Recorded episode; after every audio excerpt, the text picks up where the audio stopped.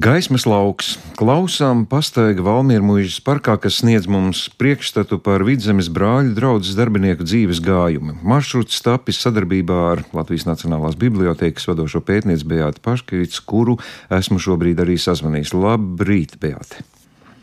Labrīt! Es saprotu, ka gaismas lauks ne tikai tapis, bet esat arī mm, iztaigājusi un arī to gala rezultātu jau esat izbaudījusi. Vai tā ir taisnība? Jā, vakar man bija tāda iespēja. Vakar bija pirmā diena, kad notika šis jaukais pasākums un bija Valmiera mužā. Un tiešām, jā, izbaudīju tādu miglaino vakaru gaismā Valmiera mužā. Mhm. Pastāstiet varbūt par to būtību vairāk. Es pieņemu, ka daudziem varētu būt daudz jautājumu, kas tad ir šie vidzemes brāļu draudzes darbinieku dzīves gājuma pieturas punkti, kā tika veidot, veidot šis gaismas lauks.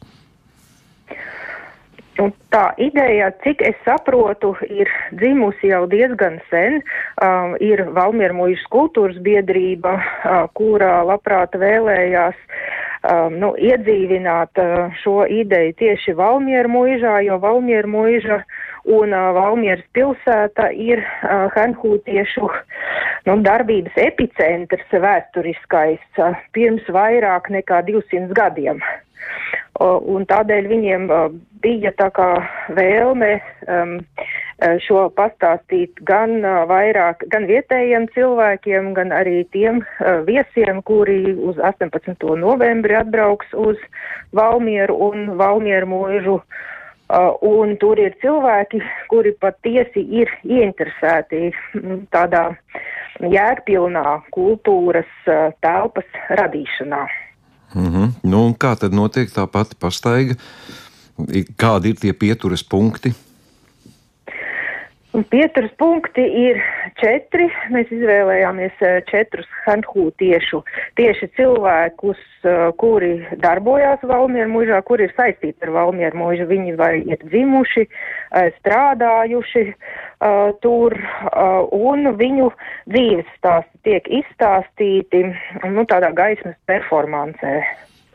Tas notiek tā, ka ej apstājies kādā vietā, tur ir kāds objekts, vai vienkārši ejot jāklausās, kā tas notiek. Jā, var, um, nu, šis uh, Valmiera mūžas parks jau nav ļoti liels.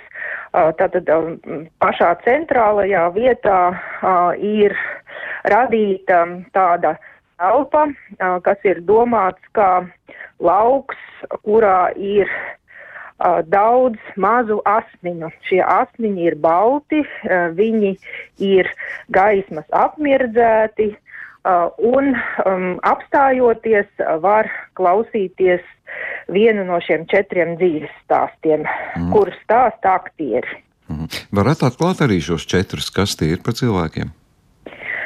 Jā, šie cilvēki um, ir gan mazāk zināmi, pavisam nezinām, bet arī daži nu, cilvēkiem, kuri interesējās par Latvijas vēsturi, ir zināmi vārdi. Nu, pirmkārt, sākšu ar dāmu un ar muž, mužnieci, kura ir dzīvojusi Valmieru mūžā un pulcējusi ap sevi Henhūtieši, tā ir Magdalēna Elizabete von Hallarte.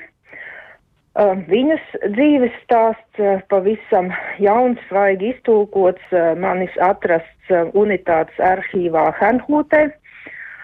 Un tad arī trīs ļoti cienījami latvieši no dažādām paudzēm. Sākšu ar vecāko, viņa dzimšanas gadi ir 17. gada beigas. Tas ir Ķīša Pēters. Ķīša Pēters, kurš bija kalējis Uh, un viens no pirmajiem latviešu brāļiem, herhotiešiem. Um, tad uh, būs arī Skangaļa Jēkabs, kurš kļūst par slavenu uzņēmēju Nīderlandē 18. gadsimtā. Uh, un jaunākais Miķels Petersons, kurš ir dzimis un strādājis par kučieri Valmieru muižā. Mm. Sakiet, Beat, jums pašai ir gandarījums par to, kāds ir šis rezultāts, ka vispār šāds notikums ir? Jā, man ir gandarījums, jo nu, būtībā Henhūtiešu rokrakstu kolekcija arī uh, jau mums ir iekļauta nu, jau vairākus gadus uh, UNESCO pasaules atmiņas nacionālajā reģistrā, un um, mūsu uzdevums vispār Nacionālajā bibliotekā, bet arī pārējās atmiņu krātuvēs, kur šie dzīves stāsti ir atrodami. Mūsu uzdevums, protams, ir popularizēt šos rokrakstus, un tie rokraksti ir nu, pilnīgi unikāli latviešu kultūra vēsturē, jo tie ir pirmie, tās ir pirmās rakstītās autobiogrāfijas tieši latviešu. Autobiogrāfijas. Mm. Kur var vairāk par eh, herkūtiešu kustību iepazīties? Varat dot arī kādas norādes interesantiem? Jā, interesantiem ir uh, nu, visplašākais uh, apraksts uh, līdz šim brīdim un ļoti, ļoti cienījams zinātnieks, tas ir Ludvigs, Ludvigs Adamovičs, kurš ir rakstījis par vidzemes baznīcu un zemniekiem, un tad, protams, vēsturnieks Gvido Straube, Gundars Ceipe un arī Latviešu Nacionālās bibliotekas digitālā kolekcija. Tur var atrast arī mazo kolekciju Hanhūtiešu rokraksti, un tur var redzēt tieši kā izskatās šie rokraksti, nu, cilvēki, kuri nav saskārušies ar seno latviešu valodu, ar senās latviešu valodas rokrakstiem, saka, ka izlasīt gan esot ļoti grūti. Aha, tā, tā kā jāsagatavojas ir nopietnam darbam, ne, nevienkārši kā, kā literatūra. Labi, vēl noslēdzot sarunu, atgriežoties Valmieru mūžas parkā, kā tehniski tas notiek? Cilvēki atbrauc, Tur ir kāds audio gids, vai tas notiek caur telefonu, kā tas notiek fiziski, kā, šis, kā var klausīties. Jā, jebkurš, kurš ienāk uh, Valmieru mūžas parkā, viņš tātad ejot cauri šim gaismas laukam sadzird tās balsis, jo tur ir skaļruņi, kuri runā šos dzīves stāstus, un arī nu, organizatori ir parūpējušies par aprakstu, lai varētu nedaudz vismaz nu, pieskarties, saprast, par ko ir runa. Bet būtībā tas ir tāds piedzīvojums, jebkuram pilnīgi personisks, jo nu, šis dzīves tā, katrs no dzīves stāstiem ir arī dažāds, un vienkārši ir jāļaujās tam, kā jūs uzrunā šis teksts. Tā kā vienkārši jābrauc un jāklausās, jāiet un jāklausās. Jā, jā nekas sarežģīts jā. tur nav.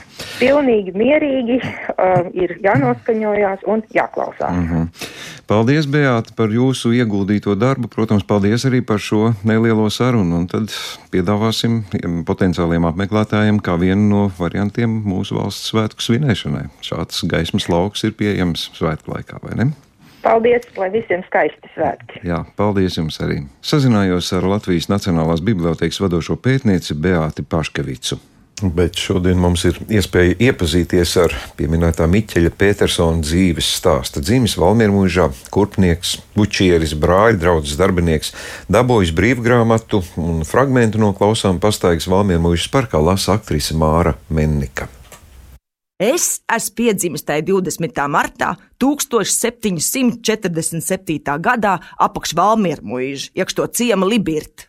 No maniem vecākiem var šo liecību dot. Viņi dzīvoja kā kristītiem cilvēkiem pienāks un turēja miera visiem cilvēkiem. Un par mani viņi tik gādājuši, ka es tapt iekš dievu bijāšanas uzaudzināts un tos dievu rakstus izmācītos, ko es vēl manā vecumā pa dārgu mantu atzinu. Mani vecāki gādāja arī par to, ka es pie bērnu sajiešanām klāt nācu. Šeit tāpēc daudzreiz apliecināts, ka tas mūsu pestītājs viens liels bērnu draugs esot un ka viņš tos gauži mīļojot, un ka katrs bērns varot pats ar to mīļu pestītāju runāt, viņam lūgt un viņam var sūdzēt, ko viņš pie sev pat trūkumu vien atrod. Mana vecuma 14. gadā tap es iekš tās brāļa draudzes uzņemts.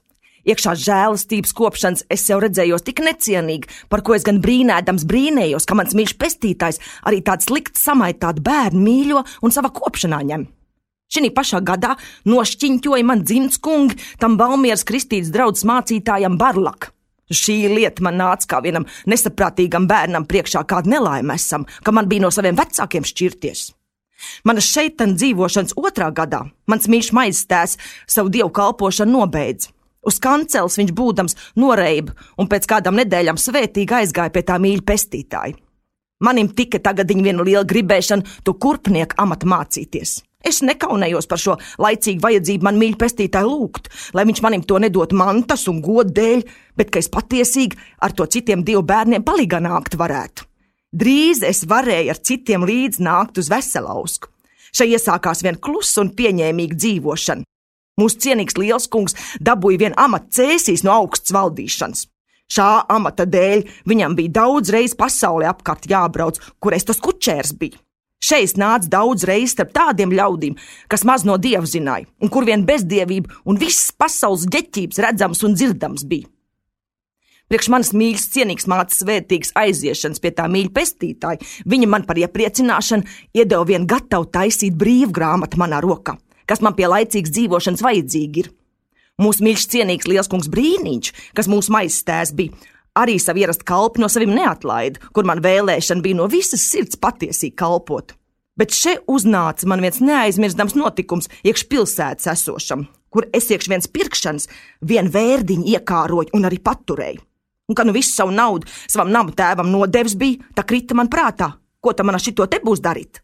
Pa šo es ienācu iekš lielām bēdām manas nepieticības dēļ, kas man daudz rūkts asaras izspied un nedabūja pirms miera, kamēr es šo vērdiņu ar kaunu asarām savā vietā nodevu. Pēc nāca es iekš tādu amatu, kur man kunga nauda un viss viņa lietas manā rokā bija. Taisa šo allažiņu atgādājos, ko tas mīļš pestītājs ar mani bija darījis, viņu lūgdams, lai viņš man bezvainīgi paglabāja iekš visiem maniem ceļiem. Neilgi pēc šo laika nāca manim tā aicināšana ar to mīļu tēvu Loskīlu iet uz Pēterburgu iekš viņa kalpošanas, ko es ar sirds prieku uzņēmu. Tā zāle, jeb baznīca, bija daudz svecēm gaiši darīta, un tā dievu godība arī bija mūsu sirds atspīdējusi, ka vien mīlestības un kauna asariņas tecēja.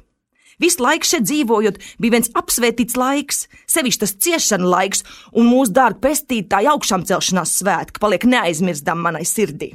Kad es vienu gadu šeit nodzīvojis biju ar savu mīļu kungu Loskīlu, tad viņš dabūja aicināšanu uz vidzemiet. Mūsu šķiršanās notika rudenī, ar daudz mīlestības asarām. Nākamā gada aizgāja laulībā, bet dažs gadus vēlāk notika manim tā žēlastība, ko es daudzreiz savā sirdī biju kārojis, to kopā dzīvodam draudz iekš vādzemes redzēt. Aprīlī mēs ar savu mīļu kungu Loskīlu izbraucām no Ungurmuīžas un nācām pēc trim nedēļām veseli un laimīgi iekš to pirmo draugu vietiņu, ko Klainvelka sauc. Čia mēs vienu dienu palika un nāca uz vasaras svētkiem uz to Ernhūdu draugu, kur tos priecīgus svētā gar svētkus pie visām sajiešanas stundām līdzbaudīt dabūja, kas pie sirds un caur visiem kauliem gāja. Pie tik daudz baudīšanām mums vēl klāt nāca tā liela žēlastība, augusta mēnesī to svētu vakariņu ar to Ernhūdu draugu līdzbaudīt, iekš to Bertolstorfu baznīcu. Ko mēs divi nabaga latvieši savu lielu nevērtību dziļi sajūstams šī dienā baudījām, to mēs ar vārdiem gan nespēj izsacīt, bet neaizmirstams mums tas paliks uz visu savu mūžu.